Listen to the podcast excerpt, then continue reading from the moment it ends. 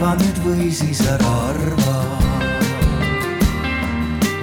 Teen otsa lahti, haarame härjal sarvist, ootame kõiki siia ettepoole, et siis saate ka küsida, kui äh, selleks tahtmine tuleb. Et esmalt tahame siis tänada Konrad Adenaueri fondi ja Eesti Välisministeeriumi ja loomulikult äh, kõiki Naised Rahu ja Julgeoleku võrgustiku liikmeid, äh, kes jätkuvalt jaksavad äh, seda poliitikat arvestades rahu ja sõja küsimustega tegeleda. ja täna me võtamegi arutada sõda ja selle ennetamist just soolisest vaatenurgast Eh, minu enda mõte on niisugune, et sõda ei ole ju mitte midagi paratamatut, seda ei saa võrrelda näiteks maavärinate või orkaanide või looduskatastroofidega. et sõda on ju inimeste otsuste tulemus ja sellepärast on mõistlik rahumeelsete ühiskondade ehitusel ja, ja sõdade ennetamisel ja nende ajal ka vaadata, et kuidas ja mis protsessid äh, aset leiavad. esiteks, mis neid äh, esile kutsuvad, aga et kuidas nad siis ka erinevaid sugusid mõjutavad ja sellepärast ongi juba tegelikult konflikti uuringutes mitu aastakümmet prevaleerimas äh, soopõhine lähenemine nende protsesside vaatlemisel ja miks me võtsime seda arutada, on see, et Eestiski on täitsa tuntud arvamusliidreid ja poliitikuid ja isegi ka välissuhete asjatundjaid, kes kahtlevad vajaduses äh, konflikte ja nende, äh, nende juurpõhjuseid äh, läbi siis sooprisma vaadelda. et nende inimeste arvamuse kohaselt sõjad mõjutavad mehi-naisi ühtemoodi ja me nimetame seda nii-öelda sootuimaks lähenemiseks aga mu enda äh, kasvõi kümneaastane selline empiiriline, empiiriline kogemus ja vaatleja ja analüütikuna. ma töötan peamiselt Türgis ja siis äh, erinevates Lähis-Ida riikides ja just äh, võib-olla töö äh, selles valdkonnas äh, on või selles regioonis on nagu viinud mind ennast täiesti vastupidisele arvamusele, et sugu loeb vägagi. ja, ja ma näen, kuidas sõjad mehi-naisi väga erinevalt siis puudutavad. ja ma olen täheldanud ka seda, et mida patriarhaalsemad ja konservatiivsemad on ühiskonnad, seda tugevam see mõjude erisus on ja ka rahuehituse äh, efektiivsus äh, või tõhusus äh, sõltub suuresti sellest, et kui kaasatud erinevad ühiskondlikud grupid, sealhulgas ka siis naised kõigi oma erinevustega sellesse kaasatud on.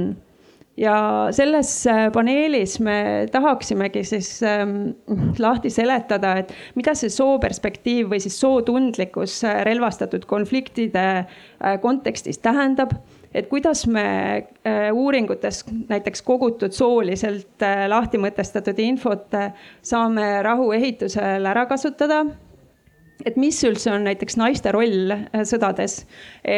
ka siin näiteks Ukraina valguses, et, et miks naisi võib-olla ei ole nii palju otsustajate ja läbirääkijate hulgas, kuigi nad ise teevad tegelikult lõviosa nähtamatuks jäävast äh, nii-öelda tagalatööst ja, ja Ukraina puhul näiteks on ka ise rindel.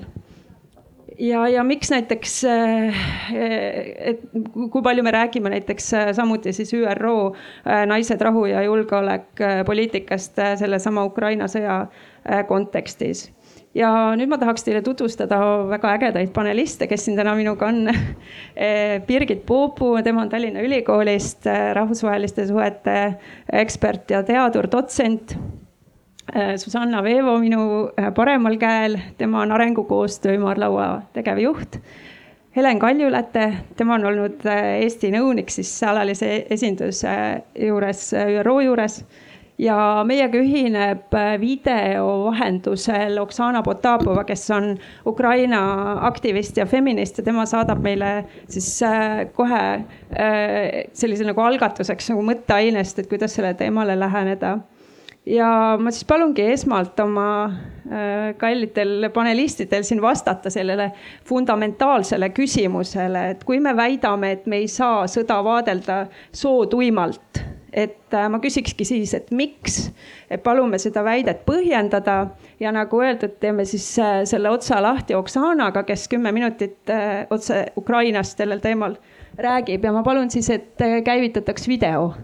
Hello everyone, uh, I am Oksana Potapova, uh, Ukrainian uh, women's rights and peace activist and a feminist researcher. And um, I was asked to comment uh, on the question of why it is important to have a feminist uh, perspective on war and peace. Um, why does gender matter and uh, what it looks like in the case of Ukraine? Um, why it's important to look at uh, gender issues uh, in any situation is because they allow us to see a much more uh, realistic and complete picture of uh, society. Uh, war, uh, as any crisis, um, creates different impacts for different population groups. And if we want to address them properly and make sure that we are meeting the needs of different groups, we need to look uh, at how these groups are impacted. Uh, historically, um, it has been war ha- wars have been seen as men's uh, endeavors, and men uh, were the ones who fought in war, who were also seen, recognized, and uh, made into heroes, while women were always uh, playing an important part in uh, during wars uh, in different roles and were rarely recognized. This has started to change over the last um, 50 to 70 years. Um, overall, thanks to the uh, growing uh, feminist movement globally, uh, as well as feminist scholarship, and to a general understanding that in every sphere of society, uh, men and women uh, play different roles and they need to be uh, seen and acknowledged. Um, the increase in scholarship and in activism of uh, women in context of war uh, has led to uh, first of all, research and then to advocacy uh, on the uh, global level with the UN, where uh, in 2000, uh, a first resolution on women, peace, and security called UN Security Council Resolution 1325 was adopted. Uh, it's important to mention that uh, the adoption of this resolution was thanks to the push of women's civil society globally, uh, where uh, the main goal was for women to say we want to be seen and recognized as actors uh, in war and peace, as those who are differently impacted, and we want to be uh, seen as equal decision makers in any decisions that have to do with peace and post war recovery in our countries. Uh, this is now a set of resolutions uh, that uh, creates a platform for women to be more engaged, to make their role more visible, and also to keep governments accountable. Um, in terms of the situation in Ukraine, um, there have been studies done already over the first few months of the war on a different impact that the humanitarian crisis is having on men, women, on intersecting identities of men and women, uh, showing, uh, for example, that the care burden uh, for people who are sick, who are displaced, the emotional work has ex- increased uh, with the war, and women are the ones taking up this work. This is something that you may have heard and seen as well happening during the pandemic. It also shows, for example, that uh, in terms of mental health, women are more likely to turn for help or to use a mental health professional uh, compared to men. Uh, based on uh, uh, some existing stereotypes about masculinity or femininity. Uh, at the same time, women are becoming uh, more involved in economic activity because mm, more men are fighting and women are becoming leaders of the households while also uh, women are extremely active in security and defense forces. They are joining the army, they are serving on equals, and they are being recognized uh, as such. And one last example of women's leadership as well is women are much more active in the diplomacy work in Ukraine partly uh, due to the uh, prohibition uh, of men of certain age to leave the country, unfortunately, but uh, many women um, parliamentarians, diplomats are stepping up to the task and traveling to negotiate with international partners. Um, these are some of the examples of how war, as any crisis, uh, creates uh, shifts in roles, uh, gender relations, and um, even though, uh, of course, it has humongous humanitarian impact on society, it can also create emancipatory spaces uh, where women become more visible, more politically and economically engaged. And what is important is that this progress and this uh, emancipation is not uh, temporary. Because um, examples of other wars and conflicts also show that uh, there is a tendency to uh, reverse back uh, to more traditional and conservative norms and um, to more conservative economy after the war uh, due to many factors. And uh, this is where, again, a gendered or a feminist perspective on post war recovery is extremely important. And it needs to start uh, now, even as the war goes on. Um, for example, right now, Ukraine is already talking about the post war recovery plan that was presented at the conference in Lugano. And gender equality was mentioned as one of the seven foundational pillars of this plan.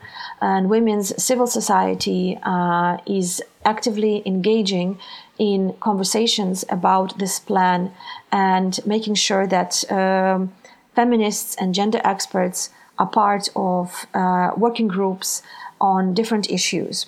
Uh, one of the spheres that I can uh, mention that uh, is very important for feminists and women's rights organizations to um, address in post war recovery is infrastructure related to reproductive work, more specifically. Uh, for example, a lot of women are being displaced with children. Not all the villages, towns, and cities have enough kindergartens or schools for all the children. Many hospitals are also being destroyed by the Russian army. Uh, the number of people needing uh, healthcare is increasing. If the government doesn't respond to this uh, situation with systemic uh, social support, this is going to mean that a lot of this work is most likely going to be put on the shoulders of women both economically and also in terms of time and labor. Uh, and very likely, this is going to take women outside of the working um, uh, relationships of the labor market, but also from political participation.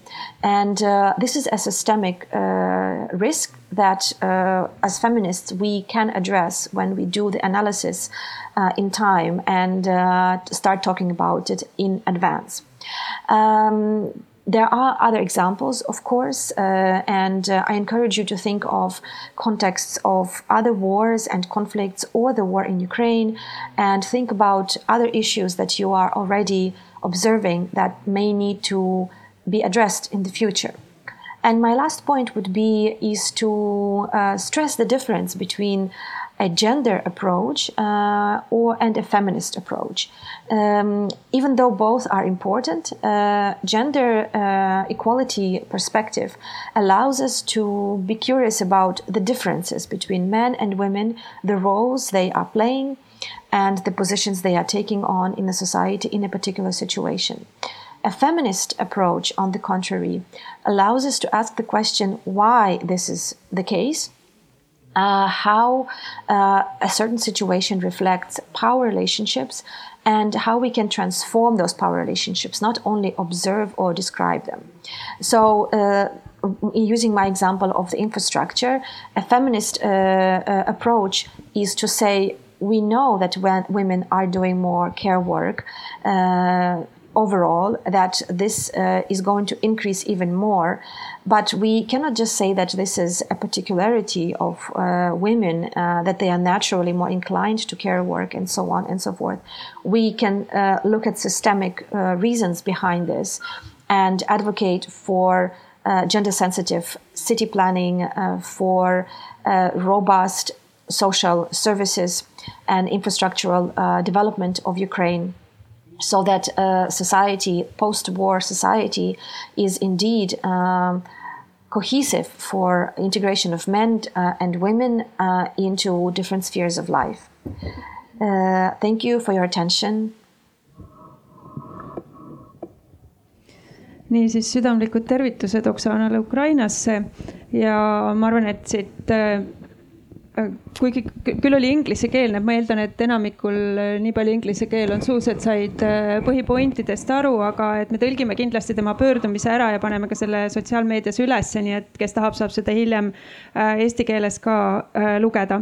aga ma tuleksin selle küsimuse juurde siis tagasi, et siin oli nii palju häid näiteid otse elust enesest Ukraina sõja valguses, et ma küsin siis oma panelistidelt ka, sest neil on küllalt erinev taust, et, et miks me siis ikkagi ei saa vaadata sõda sootuimalt, et palun oma kogemusest põhjendada seda väidet.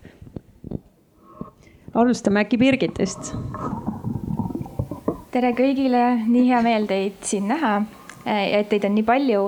et äh, võib-olla ma võtangi siis äh, sellest kinni, äh, mida Oksana välja tõi, et põhimõtteliselt, mida siis feminist, feministlik lähenemine aitab meil näha et äh, ta vaatab nagu soodünaamikaid ühiskonnas, ehk siis kus on naised ja mehed, millised väärtushierarhilised äh, äh, mõõtmed nendes suhetes on, mismoodi me mõtestame maskuliinsust ja feminiinsust. Ja sellest tulenevalt nagu minu arust on hästi märgiline et ÜRO kaks tuhat kakskümmend üks ülevaade soolisest võrdõiguslikkusest tõi välja, et globaalselt vaesus on naise nägu ja poliitika on mehe nägu, mis näitab juba suhteliselt süsteemsel tasandil, et on selline ebavõrdsus, väärtushierarhiline suhe. aga võib-olla täpsemalt ma tahaks rääkida sellest, et äh, sootundlikud ja feministlikud lähenemised aitavad meil välja tuua rahu ja sõja ja vägivalla seosed ja seega, kuidas seksuaalne ja sooline vägivald on tõsine küsimus nii rahu kui ka sõja ajal Nad esitavad ebamugavaid, ent elulisi küsimusi. näiteks, kas rahu, kus on kõrge sooline ebavõrdsus, on ühtemoodi hea kõigile, kui me teame, et kodu, kas Afganistanis või mujal, on kõige tõenäolisem, tõenäolisem koht, kus naine või tüdruk tapetakse. teiseks, lisaks sellele, et nad loovad selle lüli, et kui meil on sooline ebavõrdsus, siis see toimib küll erinevate mustrite järgi nii rahuajal kui sõja ajal äh, siis nad toonitavad ja seda ka kõik feministlikud rahu ja konflikti uuringud, et kui me tahame lõpetada vägivalda, me peame vaatama kõiki vägivalla vorme ja selle ju juurpõhjuseid. et need uurijad on välja toonud siis, et vägivallal on selge sooline mõõde, vägivald puudutab meid erinevalt ja oluline on mõista neid erisusi ja neid uurida, sest kui me seda ei tee siis me peame endale tunnistama, et me oleme põhimõtteliselt äh, valmis eirama poole inimkonna äh, kogemusi. lisaks feministid väidavad, et äh, patriarhaalsed soosuhted on sõja üks vorm ja juurpõhjus. et nagu Oksana ka ennem välja tõi, meil on hästi oluline tegeleda nagu juur, mitte ainult erinevate vägivallavormidega, aga juur, juurpõhjustega et ehk siis täpsemalt, et patria-, patriarhaalsed soosuhted, kus sooline võimuhierarhia väärtustab ja priviligeerib mehi, toodavad ühiskonnas ebavõrdseid suhteid naiste ja meeste vahel. et hästi lihtsustatult siis mõelda, et äh, naiste ja meeste vahel on siis ebavõrdselt jaotunud ligipääs võimule, erinevatele ressurssidele, mis nagu peegeldabki seda ÜRO raporti tulemust, kus äh, vaesus on meil naise nägu ja poliitika on mehe nägu ja ühesõnaga veel siis need patriarhaalsed soosuhted soodustavad militarismi, nad muudavad sõja mõeldavaks, sest jõu kasutamine on iseenesestmõistetav, see on milleni äh, meil on tee hästi kindel ja lühike, selles mõttes, et see on nagu nii põhjendatud ja igapäevane siin on kindlasti muid asju, me tuleme selle juurde tagasi, aga võib-olla ma viimaseks asjaks veel, et kui ma räägin sellest, et erinevad vägivalla vormid on olulised, äh, vägivalla juurpõhjused on olulised, siis ma tahaksin veel välja tuua, et tegelikult on hästi oluline mõista ja kuulata kohalikku teadmist, et seesama, mida äh, Oksana Potapova meile Ukrainast ütles ja mida teised Ukraina feministid on alla jooninud, et mitte ühtegi konflikti analüüsi ilma meieta, palun, et ma siin ütlen mõtlengi, et, et äh, üks teine Ukraina feminist, Maria, kritiseerib rahvusvahelist meediat, sest see ei räägi Ukraina naistest kui aktiivsetest toimijatest Ukraina sõja kontekstis. samas kui tema näeb, kuidas sajad tuhanded naised igapäevaselt tegelevad nii-öelda tagalatööga, töötades pagulaste ja riigi sees ümber asutatud isikutega ja teiste abivajajatega seega ta rõhutab, et on oluline toetada ka inimkeskse julgeolekuga seotud tegevusi, et me võime selle inimkeskse julgeoleku dünaamikatest äh, hiljem rääkida, aga ma praegu tõmban selle joone alla, et ühesõnaga kohalik äh, teadmine on väärtustatud, eriti siinjuures ka naiste kogemused, sest need on erinevad äh, ja, ja ma annaksin siis sõna kenasti üle siit järgmisele panelistile. ja aitäh, no vot siin kohe ma haaran sõnasabast, et kui meie hulgas siin on ajakirjanikke, et siis äh, praktiline nõuanne siis otse Ukrainast ka, et äh, kajastage mitmekesiselt konflikti, et seda, et kuidas naised äh, seda kogevad ja mis roll neil sellest on ja tooge seda ka Eesti avalikkusele näht-, tehke see nähtavaks naiste osa sõjas. palun siis Susanna aitäh, ma, ma alustaksin ähm, enda, ütleme, lähenemist äh, sellele, et miks me peame rääkima naistest konfliktis või miks üldse konfliktist rääkida läbi sooperspektiivi. kõigepealt natukene kaugemalt, et mul on täna see privileeg olla, olla siin seltskonnas hetkel ainus kodanikuühiskonna esindaja ja, ja kodanikuühiskonnas, mida me näeme nii Eestis kui ka mujal maailmas, on see, et kodanikuühiskond on väga suures osas naiste nägu naised on, on need, kes, kes arendavad kogukondi, kes arendavad demokraatiat väiksemal tasandil, tihti mitte võimu juures, vaid seda just kogukondlikul tasandil. kes arendavad nii formaalset kui mitteformaalset haridust ja, ja kelle käes on sisulised rohujuure initsiatiivid. et see selline globaalne, ütleme stereotüüp, et meeste käes on võim väljaspool kodu ja naistel on võim kodus või ütleme koduseinte vahel. ma julgeksin seda natuke natukene laiendada kogukonna tasandile, et, et tihti on niimoodi, et, et naised ehm, juhivad neid protsesse, mis kas külas, naabruskonnas eh, või mingisuguse konkreetse kogukonna tasandil toimuvad. Ehk siis väga suures osas tegelikult eh, naised kujundavad seda, millisteks meie ühiskonnad kujunevad ja, ja, ja mis suunas me liigume ja tihti see töö loomulikult on eh, alahinnatud, alaväärtustatud, eh, kohati täiesti peidetud ja, ja jällegi me ei pea vaatama selle jaoks Afganistani, et selliseid näiteid tuua, meil on Eestis täpselt samamoodi. et meie kodanikuühiskond on, kõigepealt alustame sellest, et meil, meil on kindlasti ressursse oluliselt vähem, kui, kui see töö, mida me teeme, seda väärib. ja, ja ma julgen öelda, et meil on täna võib-olla kusagil kümme protsenti kodanikuühiskonna professionaalidest on mehed Eh, sest eh, mehed on mujal ja, ja naised on need, kes, kes oma missioonitundest on olnud nõus ka, ka nende väheste ressurssidega edasi tegutsema. kas kodanikuühiskond on see siis nii-öelda pehme valdkond? just, just, et mehed teevad päris tööd ja, ja siis naised saavad neid pehmeid väärtuseid vabast ajast natukene. tegelikult see nii muidugi ei ole, eks. loomulikult, et see, kui. tajutud ma arvan, me, me näeme jällegi rahvusvaheliselt seda, kui suur roll tegelikult kodanikuühiskonnal on olnud kasvõi enam-vähem täpselt kaks aastat tagasi, nüüd sellel nädalal täitus kaks aastat Valgevene valimistest. Eh, need valimised, nagu me mäletame, kaaperdati väga avalikult ja see revolutsioon, mis sai nendest valimistest alguse, see sai sisuliselt koheselt naiste revolutsiooni nime endale. sellepärast, et nad olid peamiselt naised, kes läksid tänavatele, need olid naised, kes protestisid.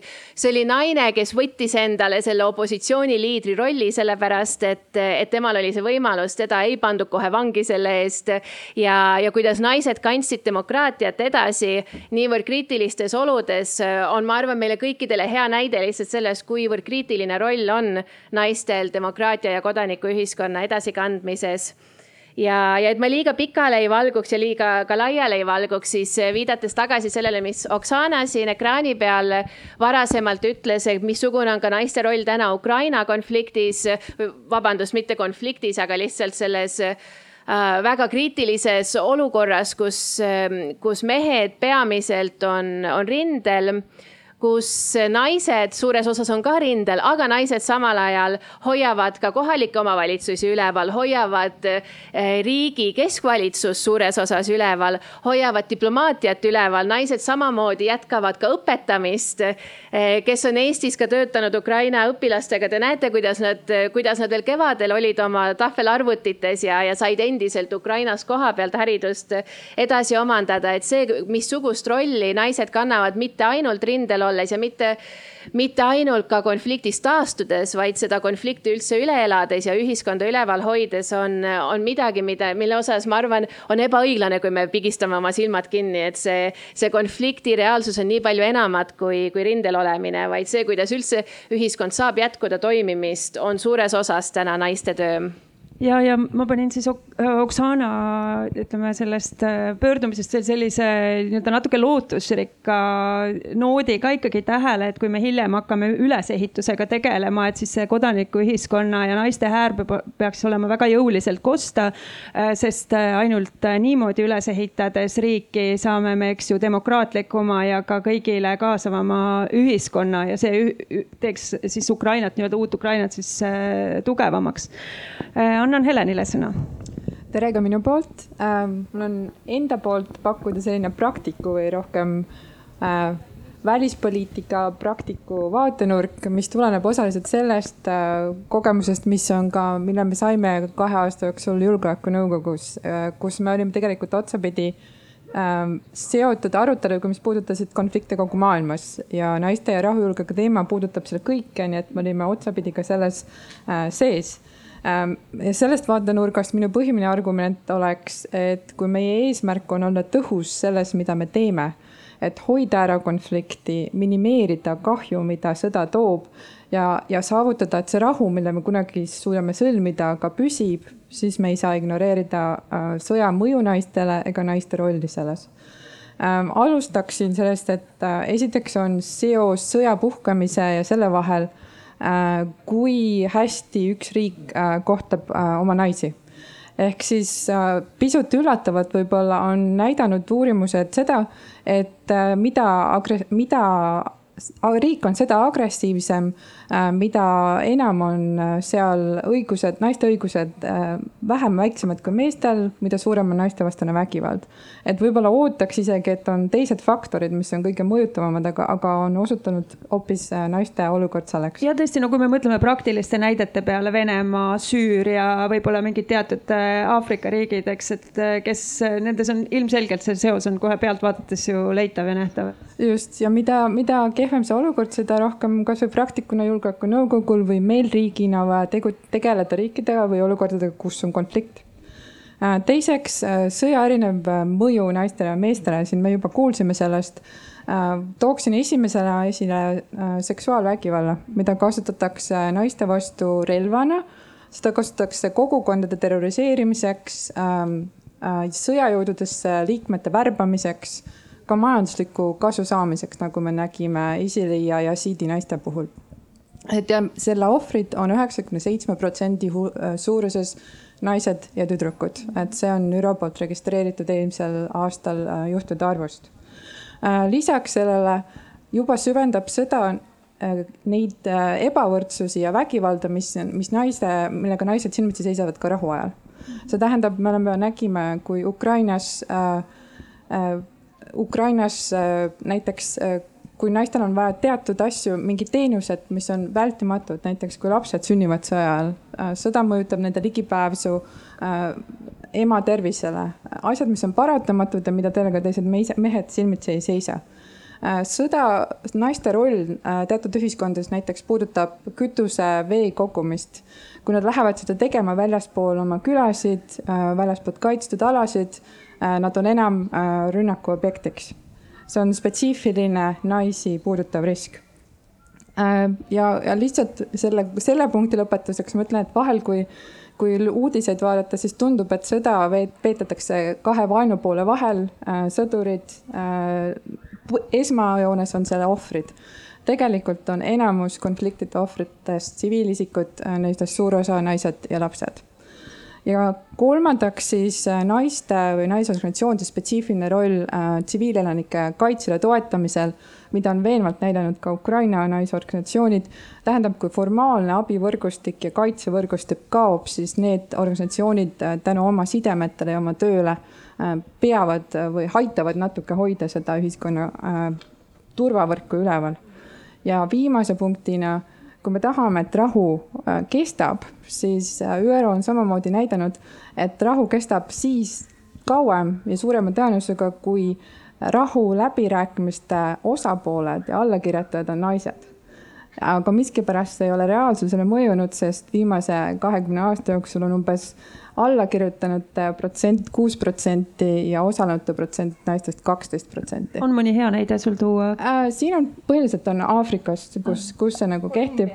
Kolumbia, Aafrika, Iirimaa. aga, aga kahjuks see number on nii madal, et ja see ei lähe kõrgemale, et, et kui räägiks positiivsest progressist, see tegelikult ei ole väga oluliselt paranenud. aga lihtsalt, et kui ma, ma lähen tagasi oma punkti juurde, et sel juhul me lihtsalt ei ole tõhusad, miks me seome ühe käe selja taha, kui me nagu võiksime teha seda paremini suur aitäh, no eks see on ka midagi, mida me peame silmas pidama, kui me toetame Ukrainat, eks täna, tänases olukorras ja, ja tulevikus. Birgit, ütle sina palun lühidalt, et mida see sooperspektiiv sõjaliste konfliktide kontekstis ja uurimises tähendab teaduslikus mõttes, mida me vaatama peame? ja enne kui ma sellele vastan, ma teeks äkki väikse katse, et kui me räägime sooperspektiivist kes teab, mis see tähendab, kes tahab käega mulle märku anda? sest et see on hea test, sest et tihti nii tore, Katrina, tere. tõstsin käega, ma ei taha vastata ei, sa ei pea vastama, keegi ei pea vastama. Äh, lihtsalt see ongi äh, selles mõttes hea test näita, näitlikustamaks selle, äh, seda, et põhimõtteliselt need teemad nagu soosuhted, äh, sooperspektiiv, äh, feministlikud lähenemised, et see teadmine on üsna madal. me selle kirjandusega ei tegele, et selles mõttes mina tulen akadeemiast, jah, ma käin konverentsidel, just tulin Soulist tagasi, kus ma olin teiste feministidega koos, eks ole, kus olid üheksakümmend kaheksa protsenti naised. Et äh, tere tulemast, aga olgu, ma selles mõttes, et sooperspektiiv hästi lihtsalt öeldes, see põhimõtteliselt tähendab, et kuidas mingi tegevus või poliitika ja konflikt äh, mõjutavad naisi ja mehi erinevalt. et põhimõtteliselt me hakkame nagu vaatama seda, et kus asuvad naised ühiskonnas, mismoodi nemad on mõjutatud teatud tegevustest, poliitikatest äh,. ja, ja me võtame arvesse et äh, sellest tulenevalt, et meil on selline äh, kontekstitundlik teadmine, me saame aru, et neil võivad olla erinevad vajadused, ressursid ja nende haavatavus võib ka erinev olla et siin on nagu hästi oluline tegelikult, me oleme väga palju rääkinud naistest, aga LGBT kogukond ja teised nagu marginaliseeritud ja haavatavad grupid, et, et nende kohale ühiskonnas tuleb ka tähelepanu osutada. Et äh, ja, et ma võtaksin sellega, see peaks erinevad nagu... kogemused, me peame neid arvesse võtma, loomulikult äh, ma isegi mõtlen praegu lihtsalt, et, et kui ma oleksin äh, ütleme lihtsalt naisena, keskealise naisena pandud äh, täna olukorda, kus ma peaksin mõtlema, et mida ma teen rünnaku korral, siis äh, kas minule eeldused, mida ma teen, on samad kui näiteks minu vennal, ei ole, eks ju, et äh, see on lihtsalt puht selline praktiline, et me ei ole kõik ühtedes ja samades kingades. aga Helen, ütle sina, et nüüd seesama ÜRO Julgeolekunõukogu resolutsioon üks, kolm, kaks, viis, naised, rahu ja julgeolek et äh, kolm-neli sammast, et kuidas sa lühidalt kokku võtaksid, et milles selle olemus üldse seisneb, mida me teadma peaks selle kohta? Ja ma kõigepealt alustaksin, Oksana juba mainis seda resolutsiooni ja ma ütleks, et see resolutsioon ei olnud lihtsalt, et äh, mõeldi New Yorgis ja tuldi mõttele kirjutada üles äh, naiste rahu ja julgeoleku seosed. et tegelikult see tuli kodanikuühiskonnast ja see tuli ka väga palju Aafrikast mm, -hmm. et see ei olnud, et et äh, lääne naised või keegi läks ja, ja mõtles selle teksti välja ja, ja Aafrika riigid on tegelikult selle resolutsiooni ühed kõige suuremad kaitsjad siiani millest see resolutsioon äh, äh, koosneb. Oksana juba tegelikult praktikas pani paika selle põhilised sambad selle esimene sammas on naiste osalus, mis tähendab, et julgeolekunõukogu kutsus üles suurendama naiste osalust otsuse tegemises, mis puudutab rahu ja julgeolekut. see tähendab siis nii diplomaatias, kaitseväes, erinevates, nii erinevates valitsustasanditel teiseks äh, kutsuti üles suurendama naiste kaitset konfliktis äh, soopõhise seksuaalvägivalla eest. samamoodi on väga praktilised näited äh, maailmast, miks seda vaja on kolmas sammas on ennetus vägivalla eest, mis puudutab seda, puudutab ka seda, et naiste õigusi kaitstakse juba enne, sest kui naiste õigused, õigustega on kehvasti, siis konflikti ajal on nendega veel kehvemini. ja neljas sammas on äh, soopõhise perspektiiviga arvestamine nii abi andmisel, sealhulgas humanitaarabi, kui ka siis taastetöödel, ehk siis kõik need asjad, mis on läbi käinud, see, see resolutsioon kahekümne kahe aasta eest pani nii-öelda põhja paika. Ja selle selle järel on võetud vastu uusi resolutsioone.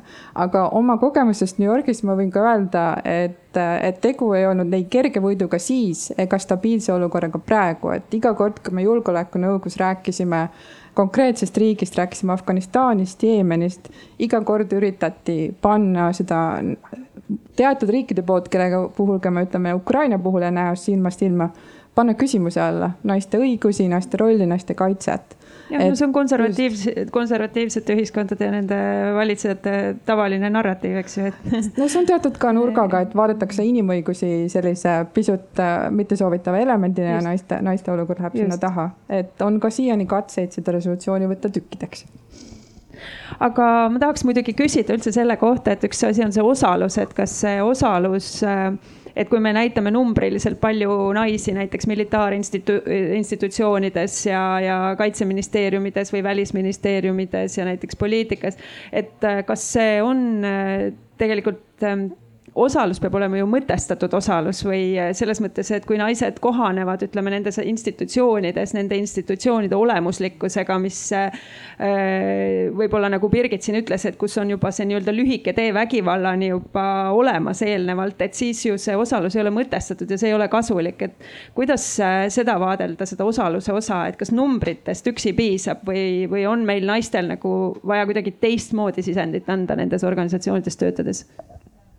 Ei, kindlasti ei piisa. Äh,. sellel on kaks poolt, numbrid on olulised ja nad mõnes mõttes on teatud osades paranenud, naisrahuvalvajad, mõned riikidel on väga suur naisrahuvalvajate number näiteks aga, ja see aitab äh, siduda paremini nende tööd kohalike kogukondadega ja nii edasi, aga see ei ole tegelikult, see on kõige, mõneti see kõige lihtsam asi, mida teha. et tegelikult see teised sambad nii-öelda ja nii-öelda päris sisuline soopõhine lähenemine on, on mõneti isegi keerulisem. ja ka osaluse puhul on, on me julgeolekunõude töötab paberite ja sõnadega, siis kolm sõna ehk full, equal and meaningful ehk siis täielik, võrdne ja tähendusrikas või sisuline osalus. ehk siis ei ole lihtsalt niiviisi, paneme siia viis naist ja siis on kõik hästi et, et see on minu kommentaar selle peale mm. -hmm. ja nüüd mul ongi kohe, Susanna, et sa tahtsid vist kommenteerida ka seda teemat ja kommenteeri ära ja siis ma ütlen sulle kohe järgmise küsimuse. ma kommenteerin kähku sellise päriselu anekdoodiga. Ehm, et üks suhteliselt nagu tuimasid, sootuimasid vaateid naiste rollile eh, rahus ja konfliktis on olnud seesama rahuvalvajate lähenemine. ma igaks juhuks vabandan juba ette ära, aga, aga see lähenemine, kui me saadame oma välismissioonidele rohkem naisi siis, eh, siis on vähem potentsiaalselt vägivaldseid sõdureid, kes võiksid kasutada vägivalda kohalike kogukondade peal. et see on siis see, kuidas me vähendame ka seda potentsiaali, et, et naised ohvriks langevad. Ehm, loomulikult ei ole nagu tõsiseltvõetav, ei ole see see tähenduslik kaasamine, tähenduslik osalus, mida me päriselt tahame saavutada. aga, aga see on see selline esimene baas, kus tihtipeale hakatakse, et olgu, paneme siis naised, saadame oma missioonidele ja siis meil ongi juba võrdsus ja, ja ma tahaks kohe sulle edasi küsida siin, et eh, missugune siis see kodanikuühiskonna roll, nagu Helen ütles, et see resolutsioon on ju ka kasvanud välja rohujuure tasandilt, mis ongi ju põhimõtteliselt meie ja kodanikuühiskond, et. et mis rolli ta mängib eh, naiste võimestamises nii sõjas kui rahus ja, ja mida me näiteks eh, ise ka riigina või, või siis kodanikuühiskonnana saame ära teha selleks, et konflikte ennetada ja rahu hoida mida me näeme jällegi rahvusvaheliselt eh, suures osas näiteks Ida-Euroopas, aga, aga isegi mitte ainult ütleme idapartnerluse regioonis, vaid ka Euroopa Liidu idapiiri peal on, on see, et ühiskonnad, mis, mis on mingisuguses protsessis mõnevõrra võib-olla autoritaarsuse poole või ütleme, kus see selline üleüldine demokraatlik äh, lähenemine hakkab vaikselt hääbuma, selle esi, üks esimesi samme, mida tehakse, on kodanikuühiskonna piiramine. võetakse kodanikuühiskonnalt ära õigused mingisugused teatud osalusvormide jaoks, võetakse kodanikuühiskonnalt ära. välisrahastused just, eh, kõigepealt välisrahastused, siis ka siserahastused. Eh, mul on täna näiteks eh, Ungaris kolleegid, kes on kolm aastat teinud tasuta tööd, sest neil ei olegi ligipääsu ressurssidele ja, ja see on, ähm, on ütleme, kui, kui selle negatiivse poole pealt alustades, see on üks viise, kuidas, kuidas saab suhteliselt kiiresti, suhteliselt efektiivselt kodanikuühiskonna lihtsalt, äh, lihtsalt ära lämmatada, et äh, paar aastat võib-olla peab niimoodi vastu, aga mitte väga pikalt. ja, ja kui nüüd vastupidiselt läheneda, siis ähm, siis ma näen, et, et meie ühiskonna võrdsusele ja, ja sellisele üleüldiselt nii sootundlikule kui, kui võib-olla ka privileegitundlikule lähenemisele aitab eh, kindlasti kaasa see, kui meil on tugev ja õitsev kodanikuühiskond, kus igal inimesel on võimalik osaleda, mis ei pea tingimata olema selles mõttes professionaalne kodanikuühiskond, et sul on võimalik ka kas vabatahtlikuna või, või mingisuguse, mingisuguste perioodidega osaleda. ja samas, et, et see kodanikuühiskond saab panustada konkreetselt ka riigi valitsemisesse ja poliitika kujundamisesse. ma arvan, arvan, et meil Eestis täna on suhteliselt hästi sellega ehm, ma arvan, et, et meil on üsna palju sektorite ülest koostööd, mis, mis aitab kaasa ka, ka sellesama äh, võrdsuse ja, ja just tähendusrikka osalemise edenemisele. aga, aga samas see on kindlasti ka piisavalt habras, et, et seda edasi toetada ma usun, et see tegelikult toetab lõpuks meie kõikide, meie kõikide kindlustunnet ja, ja stabiilsust siin riigis. kas ähm, te tahaksite veel kommenteerida seda just nimelt naiste mõtestatud äh, kaasamist, et mida naised saaksid, äh, millega naised saaksid panustada rahuloomesse? No põhimõtteliselt äh, see ongi hästi oluline, et me õpime ja kuulame äh, nende naiste kogemusi, kes on ise konfliktidest äh, läbi tulnud. et eriti märgiline on siin näiteks see, et Bosnia naised kutsusid Süüria naised endale külla, et neile rääkida sellest, kuidas nende rahuprotsess kukkus täiesti Daytonis läbi, sellepärast et Äh, ühtegi naist ei kaasatud sinna. Äh, soolise võrdõiguslikkuse, naiste õiguste teemad jäeti sealt täiesti välja. et selles mõttes, et vaata see äh, teadmiste, kogemuste edasiandmine mm -hmm. ka hargmaiselt, et see on hästi oluline, et tegelikult praegu ma olen viibinud mitmel arutelul, kus põhimõtteliselt Ukraina aktivistid suhtlevad väga tihedalt Süüria aktivistidega selleks, et rääkida täpsemalt, kuidas neid ühendab mingil määral see väljaspoolt tulev vägivald. Äh, mis on nende õppetunnid, kui nad üritasid kommunikeerida maailmale, et mis toimub, mis neil vaja on mm. ja kes on need auditooriumid, kes on valmis neid kuulama ja neid aitama. et äh, selles mõttes see solidaarsus on nagu vapustav, et ma mäletan, et kui ma olin seal arutelul, siis Ukraina aktivist ütles, et kuna meil on praegu mikrofon käes ja maailm üsna palju kuulab, et palun öelge, mis me saaksime veel teha, et Süüria jälle fookusesse tuua, et see nagu näitab põhimõtteliselt seda hullu solidaarsust, aga see jääb nagu meediast välja, eks ole. et see on nagu nendes ruumides, kus aktivistid saavad kokku ja vahetavad äh, kogemusi, et see on nagu üks äh, väga oluline. ja vaieldamatult, sest äh, kaastunne, mida tuntakse Ukraina suhtes, kindlasti ei ulatunud samale tasemele. vastupidi, et kaastunne, mida tuntakse Ukraina suhtes, on niivõrd kõrge, et kaastunne Süüria suhtes kindlasti ei ulatunud samale tasemele kahjuks aga äh, sa, Helen, mainisid enne korra äh, seda seksuaalvägivalda, et see on alati teema ju, mis äh, raputab võib-olla kõige rohkem, eriti kui need kogemused vahetult jõuavad meediasse, et, et ähm, kas, kas me võiksime siis kuidagiviisi eeldada, et, et need sõdurid või, või siis ütleme konfliktides osalejad, kelle ütleme, riigid on demokraatlikumad, kus naiste õigused on paremini tagatud või, või naiste osalus on paremini tagatud ja et kas äh, nende riikide sõdijad võiksid olla potentsiaalselt äh, vähem kalduvad äh, seksuaalrünnakuid to toime panema. võib-olla teised tahavad ka selle üle spekuleerida, et loomulikult siin mingit datat ei ole, aga et kui me mõtleme, et näiteks kasvõi rahuvalve kontekstis ehk on mingeid näiteid. Ma eristaksin siin rahuvalvet ja lihtsalt konflikti osapooli, mis on kaks eri asja tegelikult, aga kui me mõtleme seksuaalvägivallast, siis äh, kahjuks statistika näitab, et seksuaalvägivallast, mis toimub konfliktis, enamuses jääb karistamata mm. -hmm. ja selle kõige tugevam tõke oleks selle karistamatuse lõpetamine ehk siis õigusnormide justiitssüsteemi toimimine. Ja kui riigis on see juba endiselt, kas, äh, kas naiste õigused ei ole üldse juriidiliselt kaitstud, näiteks ei puuduta äh, seksuaalvägivalda, ei ole olemas seksuaalvägivalda puudutavat seadusandlust, siis, siis ka konfliktis on naised kaitsetumad et selline seos on tegelikult, nagu me juba enne ütlesime, et kui enne on, on, on juba rahuajal on, on, on teatud õigused puudu või, või vägivalla tase on kõrge, siis see peegeldub ka konfliktis veelgi võimendatuna. Et, et tegelikult sellised seosed on. Äh, kui puudutab nüüd äh, riikidevahelist konflikti, siis võib ka öelda praktilisest küljest, et, et sõjavägedel, kellel on äh, konkreetsemad käsuliinid ja konkreetsed reaktsioonid seksuaalvägivalla kasutamisele siis, siis nende puhul see tõenäosus võib olla ka väiksem. Ähm, et see, et seksuaalvägivald eriseneb.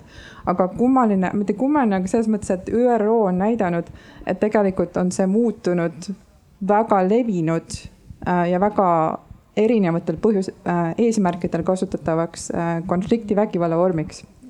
nii et, et tegelikult see on veel mõnes mõttes adresseerimata küsimus ja see toimub igas konfliktis tegelikult konkreetset konflikti võib-olla siin eristamata, et ühes kohas ei toimu.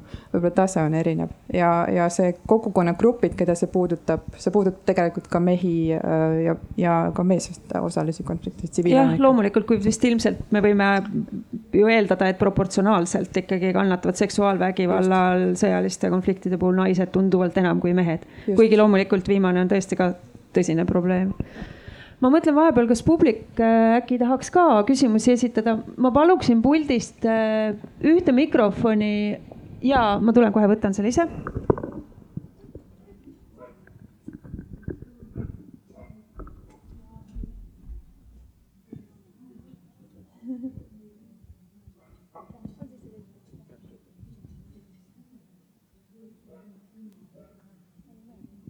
ja tere et äh, ma töötan kaitsevaldkonnas ja, ja, ja, ja võin öelda seda, et, et see mure on nagu asjatu, et, et, et nüüd me näiteks, kui me läheme välismissioonile ja nii edasi, et, et noh, et te ei saaks nagu või meie daamid, kaunid ei saaks nagu osaleda, jumala eest, pange ennast kirja Scouts pataljoni ja, ja nii edasi ja, ja minge aga välismissioonile, me ei me selles mõttes relvastatud kaasamist või noh, naiste relvastatud kaasamist täna ei ole probleeme, täna saavad naised minna ajateenistusse võrdselt meestega vabatahtlikult, ehkki väga suurt tungi ei ole, aga noh, jumala eest, eks see on selline ühiskonnakultuuri küsimus.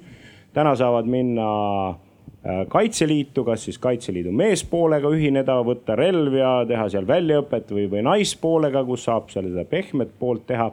noh, näiteks elanikkonnakaitserühmades osaleda või, või mis iganes. aga see oli lihtsalt minu kommentaar sellele, et, et, et täna tegelikult Eesti on juba niivõrd äh, täiskasvanud riik et, et me, me nagu seal ei ole nagu selliseid väga suuri probleeme. aga, aga kuna noh, me räägime tegelikult sellest kriiside emast nagu sõjast ja vaatame seda Ukraina poolt ka ja see, mis Oksana väga hästi rääkis. et äh, nüüd pigem küsimus äh, meie armsale naisperele, et, äh, et ilmselgelt on Ukraina nagu näidanud seda, Ukraina see sõda Venemaa see barbaarne kallaletung Ukrainale on näidanud seda, et naistel on ääretult suur roll aga kui me nüüd vaatame seda, et, et, et noh, et kõikideks kriisideks, sealhulgas ka sõjaks valmistumine käib noh rahuajal. see on nagu mõistlik tegevus, siis on nagu aega. et ja, aga täna meil neid raamistikke, kus kaasata, ütleme naiste vaba tahet, on suhteliselt nagu piiratud. noh, ma väga palju ei oska rohkem öelda, kui meie sama see Naiskodukaitse, eks ju kes on nagu selline ühiskondlik instituut või noh, täitsa loodud institutsioon ja nii edasi võib-olla peaks neid rohkem olema. võib-olla peaks olema riiklik tellimus või noh, vähemalt läbimõtestatud asi, et kuhu naised saaksid võimalikult hästi kaasuda. lisaks sellele, et noh, et haaran relva ja kaitsen kodu, eks ju. nii. jah, see ongi see mõtestatud kaasamine, naiste kogemuse kaasamine, mõtestatud kaasamine ja. kas Krista soovid? ei, ma aitan praegu. ohoh, aitäh. soovite kommenteerida? Aitäh küsimuse eest, kommentaari eest.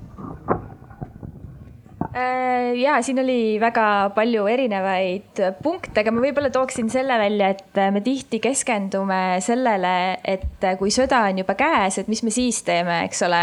et äh, tegelikult oleks vaja nagu mõelda, et äh, mis on kõik need tegevused, mis me teeme selleks, et rahu ehitada. Ja siin on nagu naiste roll suhteliselt äh, läbi need, nad ei ole nähtavad, eks ole, aga tegelikult nad teevad hästi palju ja sellest me peaksime rääkima rohkem.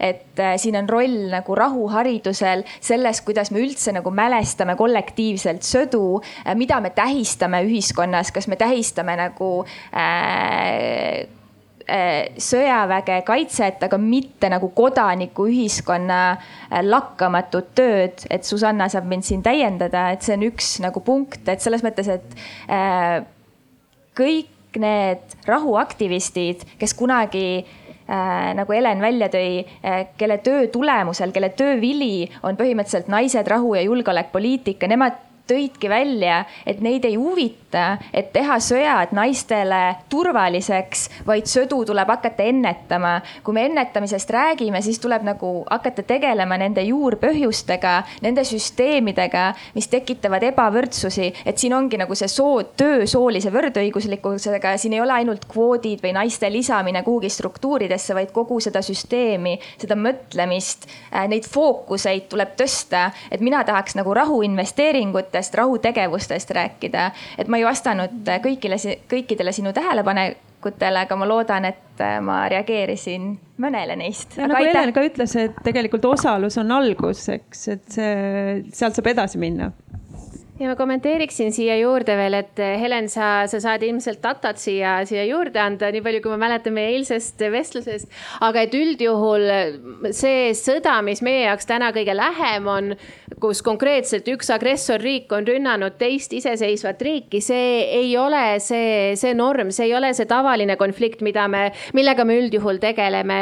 ja, ja kui me räägime pehmes, nii-öelda pehmest rahust, eh, kui me räägime konfliktide ennetamisest ja, ja konfliktieelsest kaasamisest, mõtestatud kaasamisest, siis ma arvan, et, et üldjuhul, mis puudutab siseriiklikke pingeid, siseriiklikku rahu siis see on see koht, millesse tõesti me peaksime oluliselt rohkem investeerima, nii oma aega kui raha, kui meie oskusteavet. ja, ja näiteks kasvõi sellesama poliitika raames, et täna me, me räägime naised rahu julgeolekupoliitikast. samas Eestis on sisuliselt katmata näiteks noored rahu julgeolekupoliitika. see, mida me saame teha enne seda, kus, enne seda, kui inimesed sisuliselt haridussüsteemist ära kaovad, kuidas me saame adresseerida neid inimesi, kes on, kes on kõige vastuvõtlikumad teadlikumad uuele informatsioonile, kelle väärtushinnangud on veel kujunemas. ma arvan, et, et igasugune rahu puudutav haridus peaks algama oluliselt varem või ütleme nii, et see üldse peaks eksisteerima. sest täna see on suhteliselt juhuslik, pigem spontaanne ja, ja isegi võib-olla pigem meediapõhine. aga see on see koht, kus, kus Eestis, ma arvan, meil on ja täna jääb väga palju vajaka ja, ja samas, kus me näeme, et teised riigid teevad väga palju nii Euroopas kui väljaspool Euroopat suuresti ka, ka konfliktijärgsetes piirkondades, kus on just vaja taastuda nendest pingetest, mis, mis konfliktini viisid. Eh, ma arvan, et ka Eesti, me oleme täna veel piisavalt konfliktijärgne piirkond tegelikult, et me ei peaks silmi kinni pigistama selle osas, missugused siseriiklikud pinged meil on ja, ja mida me püüame lihtsalt alla suruda lootuses, et äkki ei plahvata ja jällegi Oksana juurde tagasi tulles, et tema ju ütles ka, et see töö peab ju algama täna, eks, et, et kui rahu on äh, ainult ühe ühiskonnagrupi poolt sõlmitud, siis ei pruugi olla kestev rahu, eks. Helen? Jah, ma alustasin jah, võib-olla sellest, et eile me arutasime ette valmistades tänast äh, paneeli, et, et kui erinevas olukorras me tegelikult praegu oleme, et kui, kui me rääkisime eelmistel aastatel konfliktist, me rääkisime riigi sees toimuvast konfliktist äh, tihti mitteriiklike osapoolte vahel millel on täielikult pisut teistsugune iseloom, pluss siis see mõjutab ühiskonda erinevalt. praegu on tegu ühe riigi agressiooniga teise riigi vastu. nii et ma arvan, et selles mõttes võib see meie jaoks ka tähendada ka ümbermõtlemist või uuesti mõtlemist, kuidas, kuidas me sellisel puhul saaksime oma tegevust paremini planeerida, et selles mõttes ma arvan, et see küsimus on täiesti asjakohane Äh, ja mul on kommentaar selle esimese kommentaari kohta. et me võtsime oma esimese Naised, rahu, julgeolek tegevuskava vastu kaks tuhat kümme ja seal oli sees ka punkt, kuidas äh, tõsta naiste äh, osakaalu kaitsejõududes ja ka meie missioonidel ja, ja nüüd lugedes meie erinevate tegevuskavade täitmist on, oli minu jaoks üks selle, sellest, selle alusel võetud sammude Äh, edust lugedes tegelikult see oli üks kõige paremaid osi, et, et see, see on paranenud, loomulikult me, seda saab veel paremini teha. aga võrreldes kümne aasta tagusega, ma arvan, seal on, vähemalt selles valdkonnas võib öelda, on tulemused, aitäh.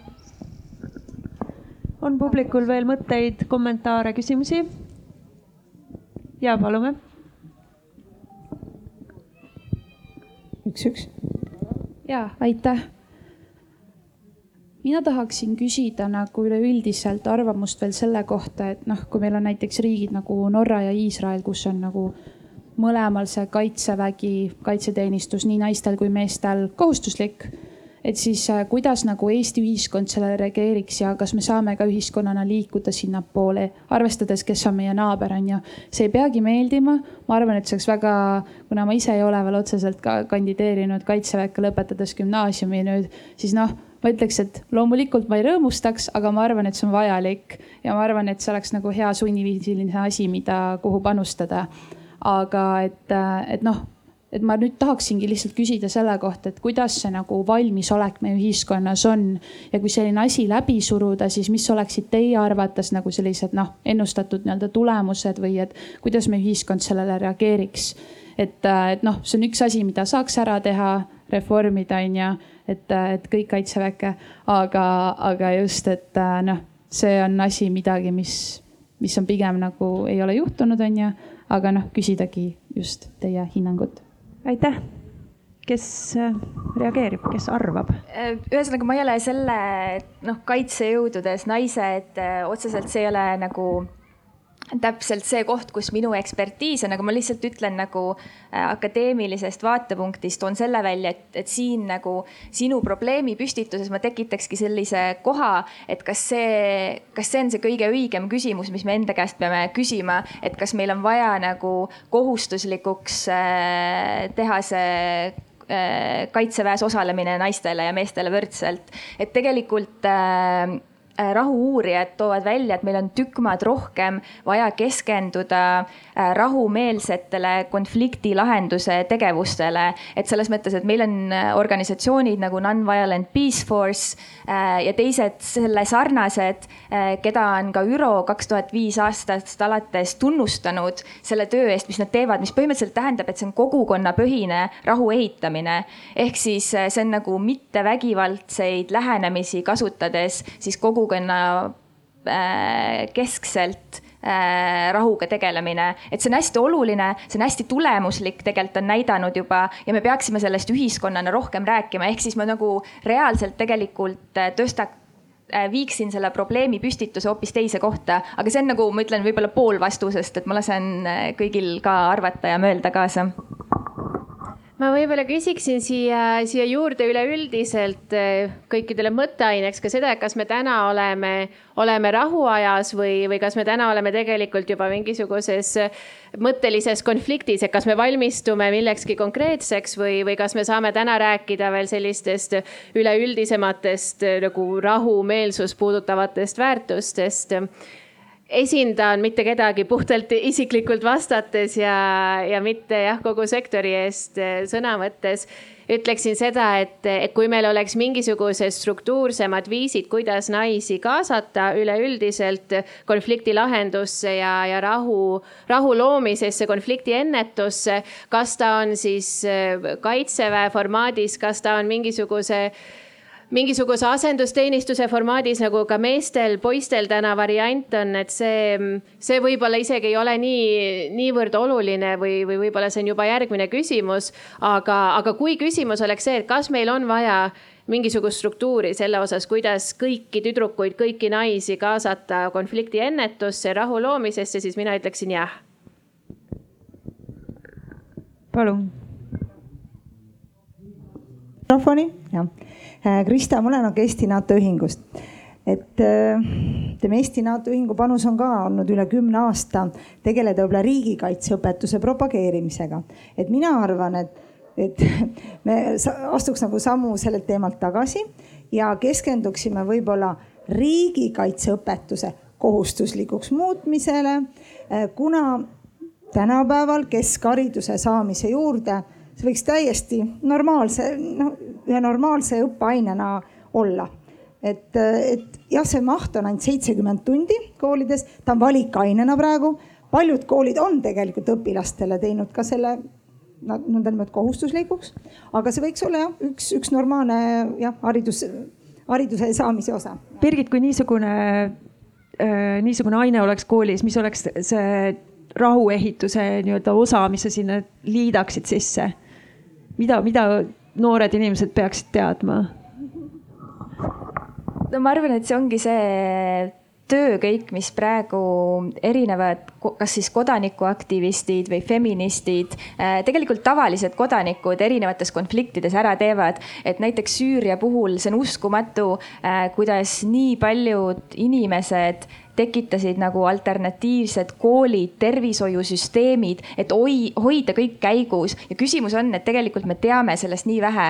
kõik see oskusteave, eh, selle väärtustamine, nende kogemusest õppimine, et see on nagu üksjagu puudulik, et mulle meeldib, et aktivistid tegelikult ise, nagu ma ütlesin, et mul aeg-ajalt on privileeg arutada nendega nend, neid asju või käia nendel aruteludel, mis nad ise korraldavad ja kus nad jagavad siis seda kogemust. et see on tegelikult hästi väärtuslik ja ma arvan, et selle rõhuasetuse muutmine, kus me saame aru, et rahuharidus, kõik need erinevad rahutegevused on äärmiselt olulised äh, et me viiks selle fookuse teise kohta ja, ja reaalselt keskenduksime rahu ehitamisele rahuajal põhimõtteliselt. aga kuna publik juba tõi, jah, vabandust, Arp Müller, palume no,. tere, Arp Müller Vikerraadiost. ma, kuna siin on korduvalt kõlanud, et me peaksime õppima konfliktis olnud või, või sõjas käinud inimeste ja naiste kogemustest, siis ma lihtsalt võib-olla tahan anda soovituse, et ehk keegi ei ole lugenud sellist raamatut nagu Nobeli preemia laureaadi Svetlana Aleksijevitši raamat Sõda ei ole naise nägu et. Ähm, aitäh selle soovituse eest. et ähm, Punaarmees võitles teises maailmasõjas miljon naist ja ta on äh, tuhandete tundide kaupa intervjueerinud sõjas käinud naisi kolmkümmend, nelikümmend aastat peale seda sõda. ja, ja vot need on need kogemused, äh, mida noh, ma, ma soovitan, soovitan lugeda ja see pakub tõeliselt mõtteainet. ma ei tea, kas ma leian äkki kohe, kohe ühe lõigu, kui mul läks, läks see. kuidas kodumaa meid vastu võttis, ei saa ilma nutmata. nelikümmend aastat on möödas, aga siiamaani on põded, põsed punased. mehed olid vait, aga naised, just naised.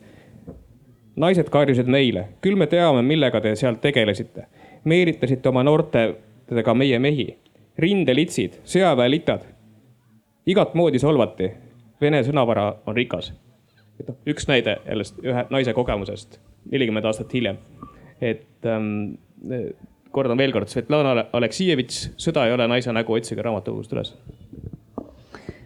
jälle väärt äh, lisa meie paneelile, aga kuna juba siin publik tõi ka teema meile koju ja kodule lähemale ka, et me oleme rääkinud väga üldiselt ja mõningate näidete najal maailmast, et siis äh, no Birgiti ja Susanna osalusel tehtud ja, ja välisministeeriumi tellitud raport äh, ÜRO Julgeolekunõukogu resolutsiooni üks, kolm, kaks, viis naised, rahu, julgeolek rakendamine Eestis leidis muuhulgas, et äh, riikide tegevused kipuvad olema suunaga väljapoole. et kuidas nüüd ikkagi Eestiga on, et on meil endal asjad kodumaal nii palju korras, et me näiteks saame siis teistele riikidele õpetamas käia? võtke Birgit ja Susanna ehk esialgu vastata sest teie osalesite selles uuringus. ma võib-olla esimese peegeldusena ütlen, aga ma ei luba, et see on mu ainus kommentaar. aga esimese peegeldusena, et kas meil on kodus asjad piisavalt korras, et teisi õpetada. ma arvan, et, et see tingimata ei pea olema eeldus selleks, et me saaksime ka väljaspool Eestit mingisugust oskusteavet viia, et meil ei, ei tohi olla mitte mingisugust või et, et, et selle jaoks ei saa Eestis olla mitte mingisugust süsteemset vägivalda või ebavõrdsust naiste, naiste osas. ma arvan, ma arvan, et sellist ühiskonda täna ei ole, kus puudub täielik ebavõrdsus ehm, küll aga, aga mida me näeme Eesti ja, ja ütleme siis konkreetselt arengukoostöö kontekstis, kus me viime enda teadmisi, enda kogemusi riikidesse, kus, kus seda teavet on tarvis. et tihtipeale need on need ühed ja samad organisatsioonid, need ühed ja samad eksperdid, kes töötavad Eestis naiste varjupaikadega, kes töötavad seksuaalse vägivalla ja soopõhise vägivalla ennetamisega, kes siis veel enam-vähem oma vabast ajast ja missioonitundest viivad neid samu teadmisi ka riikidesse, kus need süsteemid ei ole veel nii hästi välja töötatud. et see konkreetne poliitika ja, ja meie konkreetne tegevuskava keskendub küll, küll täielikult just väljapoole suunatud tegevustesse, aga samas on palju, mida, mida me juba teeme Eestis samamoodi. ma arvan, see see probleem võib-olla ei olegi mitte selles, et, et me teeme ainult väljapoole ja mitte Eestis, vaid pigem, et me ei too seda võrdusmärki sinna vahele, et me tegelikult ei seosta ära, kuivõrd ühenduses on see ennetustöö ja taastetöö, mida me teeme Eestis ja, ja mida me teistes riikides aitame läbi viia. Äh, ma võib-olla hästi lühidalt äh, lisan siia, et, et ma jooniks ka võib-olla selle hästi alla, et, et kõigepealt, et kui me räägime sellest, et millised tööd on väärtustatud, et siis ma tahaksin ka, et äh, seesama Naised, Rahu ja Julgeolek võrgustik, terve see võrgustik, kõik, mis nad teevad, et tihti nad teevad väga palju asju äh, põhimõtteliselt entusiasmist äh, või selles mõttes, et neil ei ole ressursse. Ja see on tegelikult rahvusvahelisel tasandil, akadeemikud toovad selle välja, et selleks, et kodanikuühiskond saaks seda endale antud rolli selle poliitika kontekstis hästi täita, neil on vaja ressursse. Äh, et, et oodata lihtsalt, et need inimesed nagu jätkaksid seda tööd ja kui me ütleme, et see on meie fookus, siis me peame andma ka neile need ressursid, et seda teha. aga ja globaalsemas mõõtmes tegelikult akadeemikud on jah kritiseerinud seda, et me ei saa olla niimoodi, et Suurbritannia ja kõik riigid lähevad globaalsesse lõunasse probleeme lahendama, kus meie oleme ka osalised. et ikkagi selles mõttes, et mingid sammud algavad kodust. Äh, nii et ma tahaksin ka, et see diskussioon oleks alati üleval, et me näeksime neid erinevaid vägivalla ühenduskohti, äh, kuidas me oleme sellega seotud äh, ja me võtaksime selles mõttes, vaataksime ka tõsiselt erinevaid konflikti kontekste Eh, ja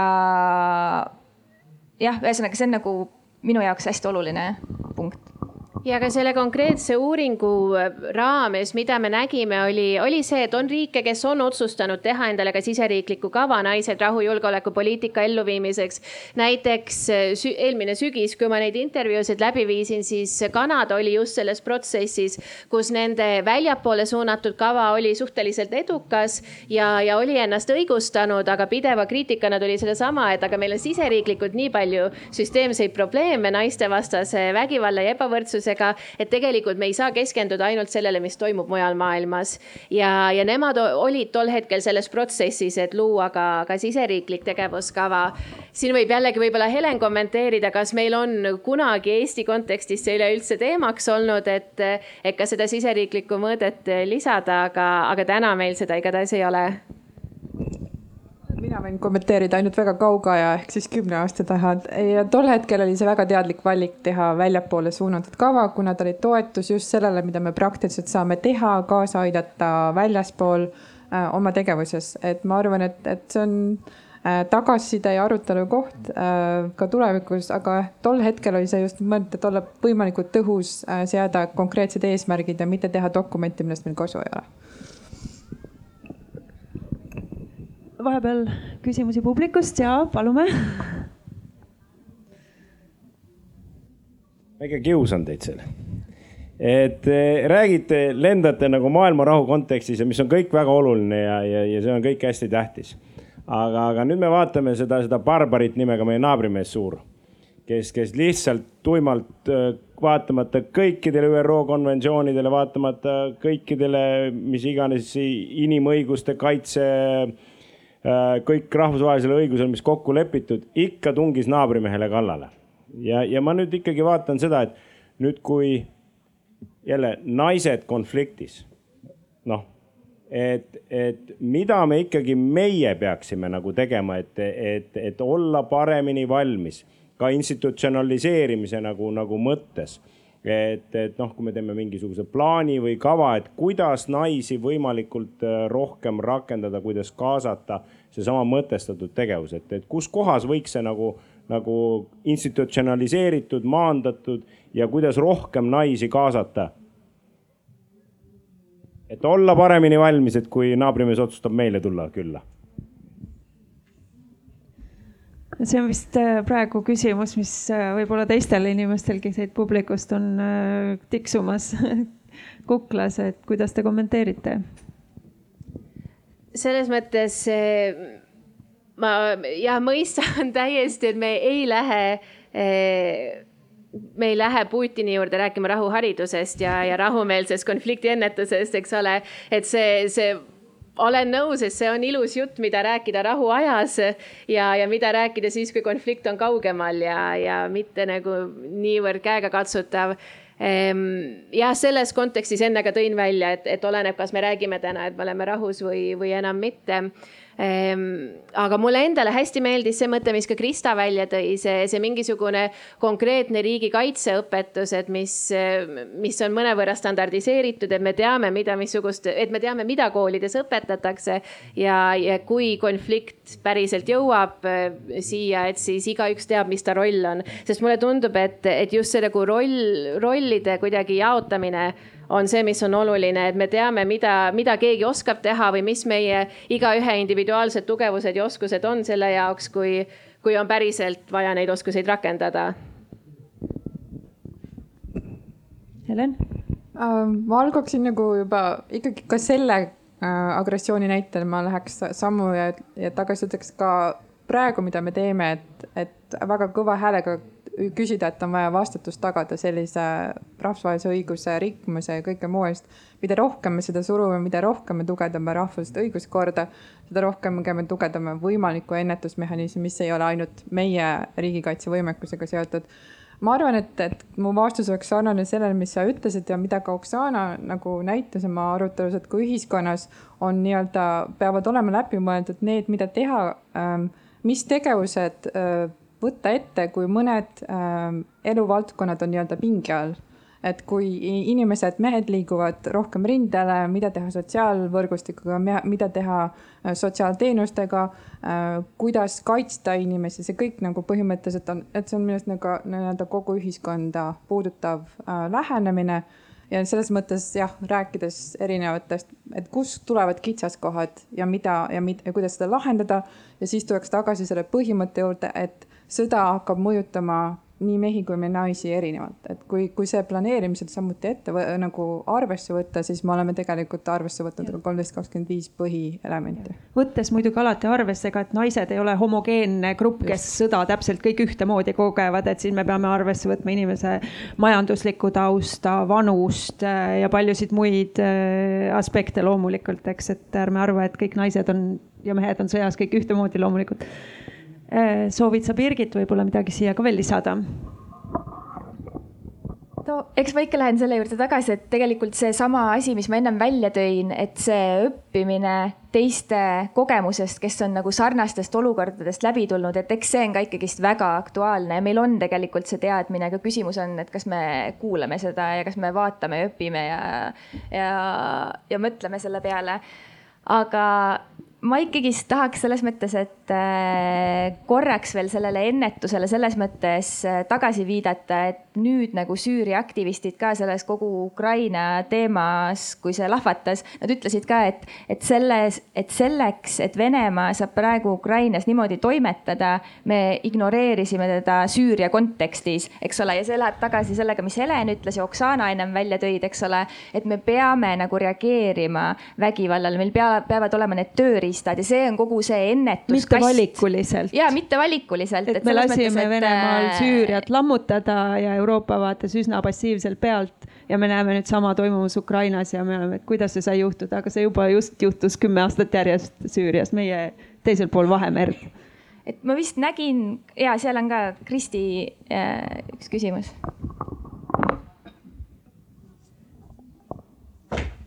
tere, äh, kuna seda on hästi palju siitpoolt äh, ka tulnud juba, et et tundub, et me tahame ikkagi valmis olla sõjaks, siis ma lihtsalt püstitan sellise nagu küsimuse, et kui, kui isegi kui kõik naised ja kõik mehed läheksidki sõtta, kas me tõesti kujutame ette, et me suudame nagu nii-öelda võita, et ilmselgelt lahendus siin ei ole see, et me kõik läheme sõtta ja, ja võitleme, et äh, pigem ma arvan, on äh, tõesti see, see mõte, et kuidas me üldse oleme jõudnud sinna küsi-, noh, sellesse punkti, kus me praegu Ukrainas oleme.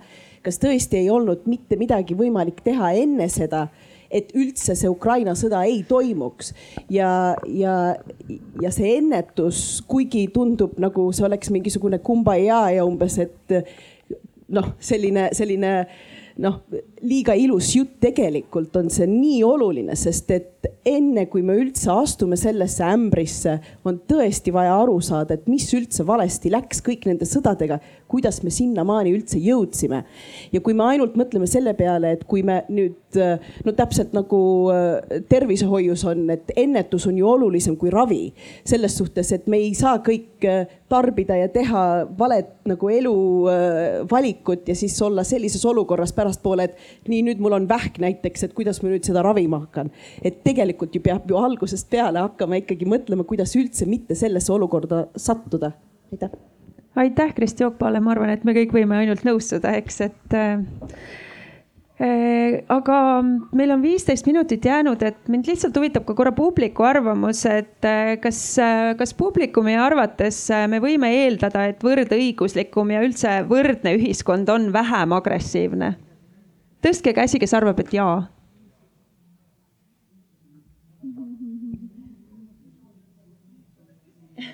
Te ei kuulnud vist küsimust et äh, ma küsisin, et kas võrdõiguslikum või üldse õiglasem, võrdsem ühiskond on vähem agressiivne? ja, no mulle näib, et siin rohkem suurem enamus tõstis, tõstis käe. kuidas äh, panelistid, mis, mida teie arvate? Kas võrdõiguslikum ja õiglasem riik on vähem agressiivne? ja lihtne vastus ja selles mõttes, et äh, nii paljud äh, uuringud äh, ikkagist toetavad seda, et äh, põhimõtteliselt soolise võrdõiguslikkuse määr, eks ole, selle komplekssuses, ma ei räägi siin kuhugi naiste lisamisest, et kõik see jutt, mis me ennem rääkisime, mis Oksana peegeldas Ukraina kontekstist, et äh, see on ikkagist hästi oluline, et seesama asi, mis Kristi ka välja tõi, me peame olema rahu ehitamiseks, et see protsess kogu aeg valmis, mitte meil, me ei pea tõstma sõjavalmidust, vaid me peame tõstma rahuvalmidust ja seda tarkust, et tegeleda nende erinevate asjadega. Äh, jah, ma vaatan, et see ajab naerma, aga selles mõttes, et meil on nii tore, et üle maailma nii paljud aktivistid tegelevad igapäevaselt mm -hmm. sellega ja seda tööd tuleb nagu paremini fookusesse tõsta. ja märgata ja, ja meie valmistume rahuks ehk, ehk meie valdkond tegelikult, mida meie kõige rohkem kardame, ongi sõda ja, ja, ja, ja see, mida me kõik teeme, me ei valmistu sõjaks, vaid me, vaid me valmistume rahuks. just väga hea ütlus, äh, tahad rahu, valmistu sõjaks, nii on no. nii, aga et kuna me peame hakkama vaikselt siin kokku võtma, et mida rahvusvaheline üldsus ja Eesti läbi siis selle resolutsiooni ja selle põhimõtteid silmas pidades üldse saaks ära teha, et okei okay,, Süüria on nüüd juba, rong on läinud, eks, aga näiteks Ukraina kontekstis ähm,? Mina olen praktik, ma võin rääkida praktilisi asju. väga hea äh,. mina istusin kõigil julgeolekunõukogu kohtumistel, äh, kaasa arvatud siis New Yorgi vaates kahekümne kolmandal veebruaril, kui äh, agressioon algas ähm, New Yorgis. ja kõikides nendes aruteludes tegelikult tõsteti esile selle mõju ka naistele, eeskätt kui, kui tulid kaadrid Butšast, mida näidati ka seal ähm, siis räägiti muidugi seda eelkõige seksuaalvägivalla aspektist Äh, mida saab tuua, äh, teha praktiliselt seal, on tuua naisi tegelikult ka julgeolekunõukogusse. mida me tegime oma julgeolekunõukogu liikmesuse ajal, me tõime need sinna Afganistanist, Lõuna-Sudaanist, äh, kokku kuus meie eesistumise ajal see, see on tegelikult huvitav, sest need sõnad, mida kuuleb neilt, on tihti kõige otsesemad ja kõige karmimad ja üldse mitte sellised idealistlikud, teoreetilised Äh, neil on konkreetsed ettepanekud ja lahendused äh, konfliktide lahendamiseks. see on üks, üks asi, mida saab praktiliselt teha.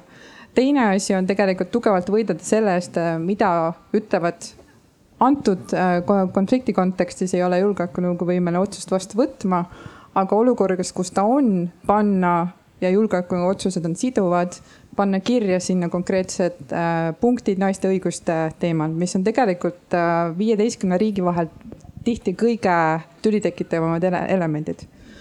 Äh, rääkides äh, sellest veel, saame toetada rahvusvahelisi mehhanisme, äh, mis aitavad tuua vastutust nii Ukrainas toime pandud kuritegude eest kui ka toetada nende, neid ülejäänud inimesi.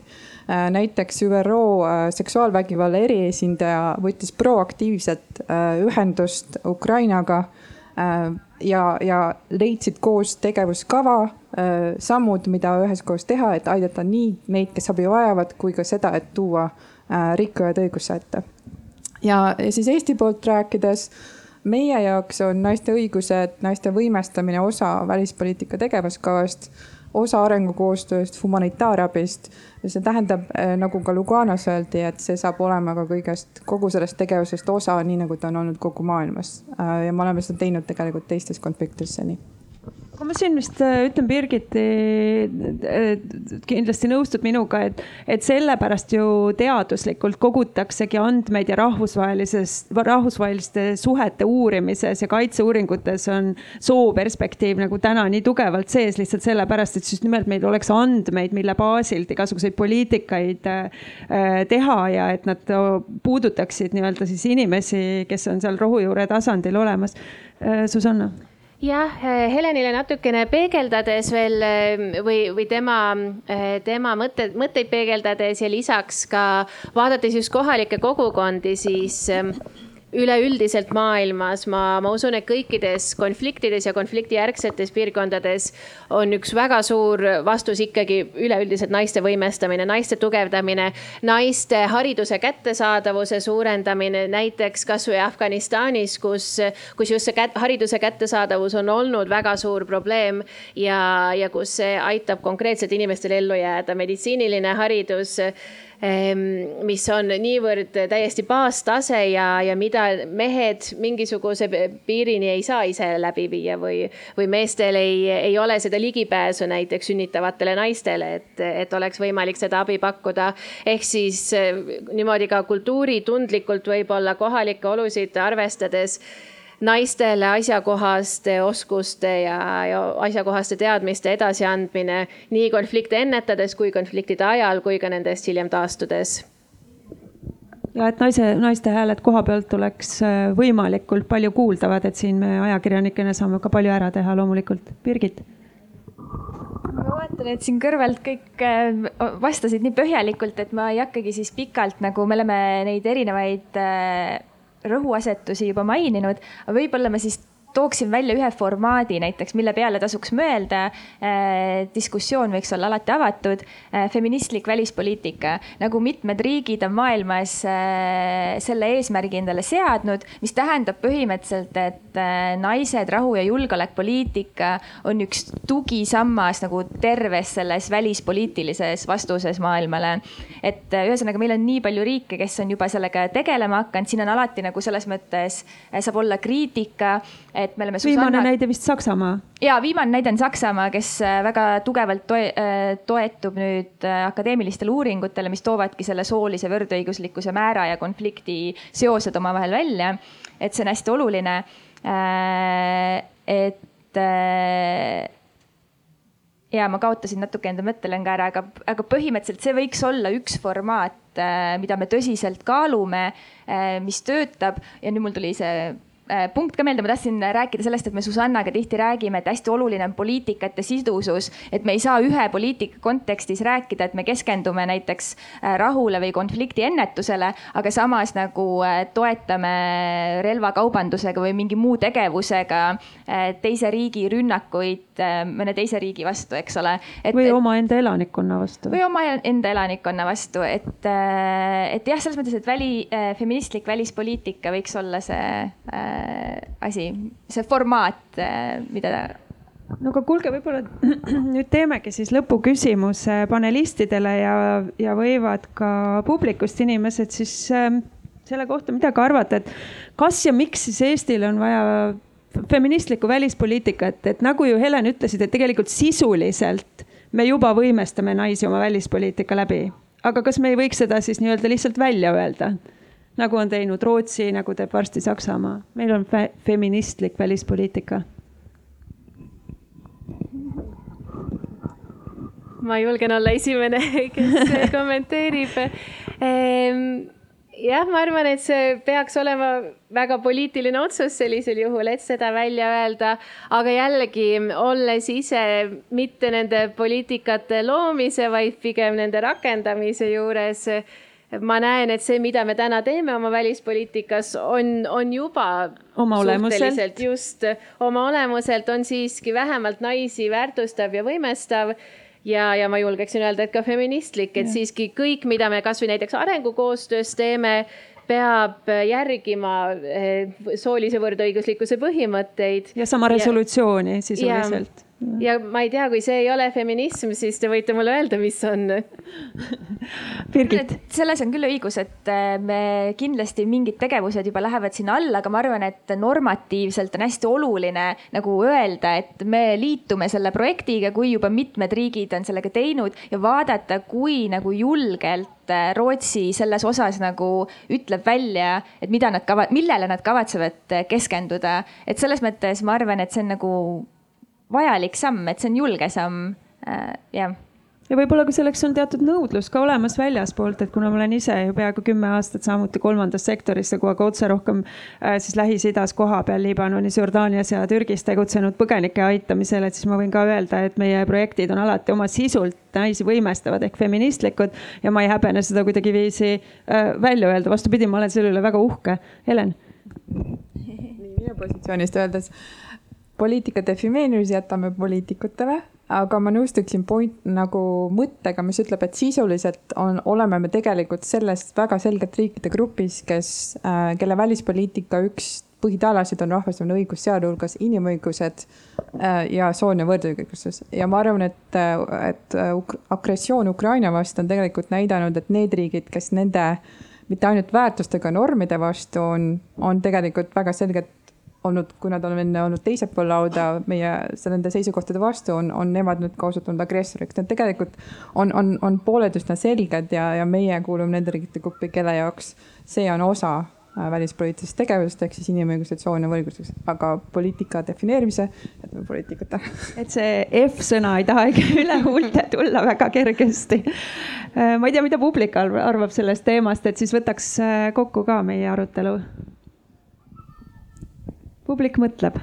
aga siis meil ongi paar minutit jäänud ja ma tahan äh, publikumi tänada. alati on see, et rääkijaid on ju küll, aga et kui leiaks kuulajaid tänada, et tänan, et te tulite ja kaasa mõtlesite ja ehk saite siit uue perspektiivi, et kuidas siis me võiksime seda vaadelda nagu öeldud, siis oli mitmeid äh, ka realistlikke nõuandeid, eriti just Oksana suust otse Ukrainast. Äh, selle teksti siis me pärast tõlgime ka eesti keelde ja paneme välja, kes tahab selle üle rohkem järele mõelda ja see on siin ajakirjanikele, poliitika tegijatele äh, võib-olla oluline info. ja Helen ja Birgit ja Susanna, suur tänu teile, et võtsite kaasa mõelda ja, ja aitäh kõigile tulemast. aitäh. Selge teised ega pruugi kõike teha